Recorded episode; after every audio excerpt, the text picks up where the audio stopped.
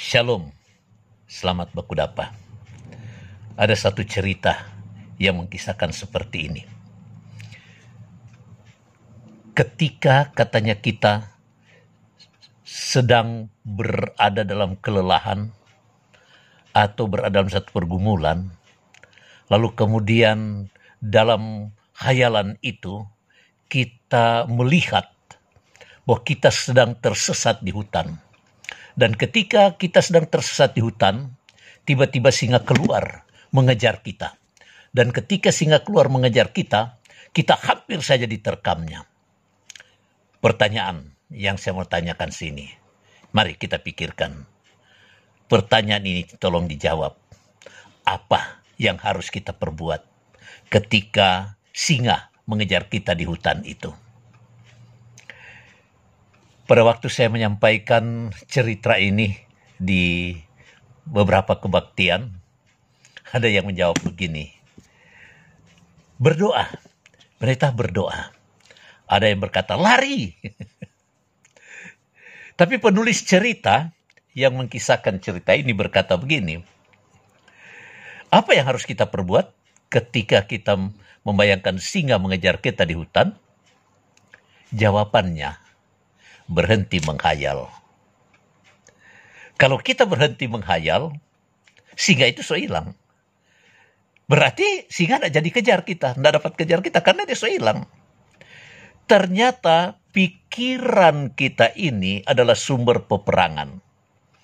Pikiran ini sering kali um, apa dimasuki oleh hal-hal yang menakutkan, mengecewakan, yang mendatangkan frustasi, dan membuat kita patah semangat. Ketika pikiran kita ini tidak diisi dengan firman Tuhan, hati kita ini tidak dikuasai oleh firman Tuhan, maka energi negatif itu akan keluar dan melumpuhkan iman kita. Paulus berkata di dalam Roma pasal 12 ayat yang ketiga dia berkata begini, Berdasarkan kasih karunia yang dianugerahkan kepadaku, aku berkata kepada setiap orang di antara kamu, janganlah kamu memikirkan hal-hal yang lebih tinggi daripada patut kamu pikirkan. Tetapi hendaklah kamu berpikir begitu rupa, sehingga kamu menguasai diri menurut ukuran iman yang dikaruniakan Allah kepada kamu masing-masing. Paulus bilang bahwa tiap-tiap kita itu diberikan kasih karunia. Dan kasih karunia ini mengajak kita ini untuk hidup berkemenangan. Kasih karunia ini mengajak kita supaya melahirkan pikiran-pikiran yang positif, energi yang positif. Supaya kita menjadi umat yang lebih seorang pemenang. Kata Paulus dalam Roma 7 ayat 38, kita ini umat lebih dari seorang pemenang. Tapi begitu banyak kita kalah, tetap kenapa?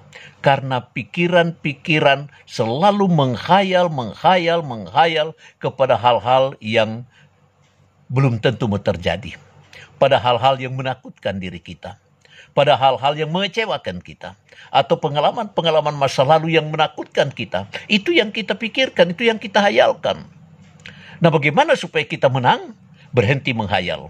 Segala pikiran negatif dan mari kita menghafal firman Tuhan. Mari kita isi firman Tuhan dalam hati dan dalam hati dan pikiran kita. Karena Mazmur pasal 1 ayat 4 sampai 6 mengatakan bahwa kalau kita merenungkan Taurat Tuhan itu siang dan malam, kita akan menjadi seperti pohon yang ditanam di tepi aliran air, yang akar-akarnya merambat ke tepi batang-batang air, yang tidak khawatir pada tahun kering, artinya pada panas terik dan banyak yang kering, kita tidak khawatir. Kenapa? Karena akar kita merambat ke tepi batang air. Kita akan menghasilkan buah. Iman kita akan membuat kita menjadi umat pemenang. Sebab itu, menghayallah yang baik, istimewa firman Tuhan.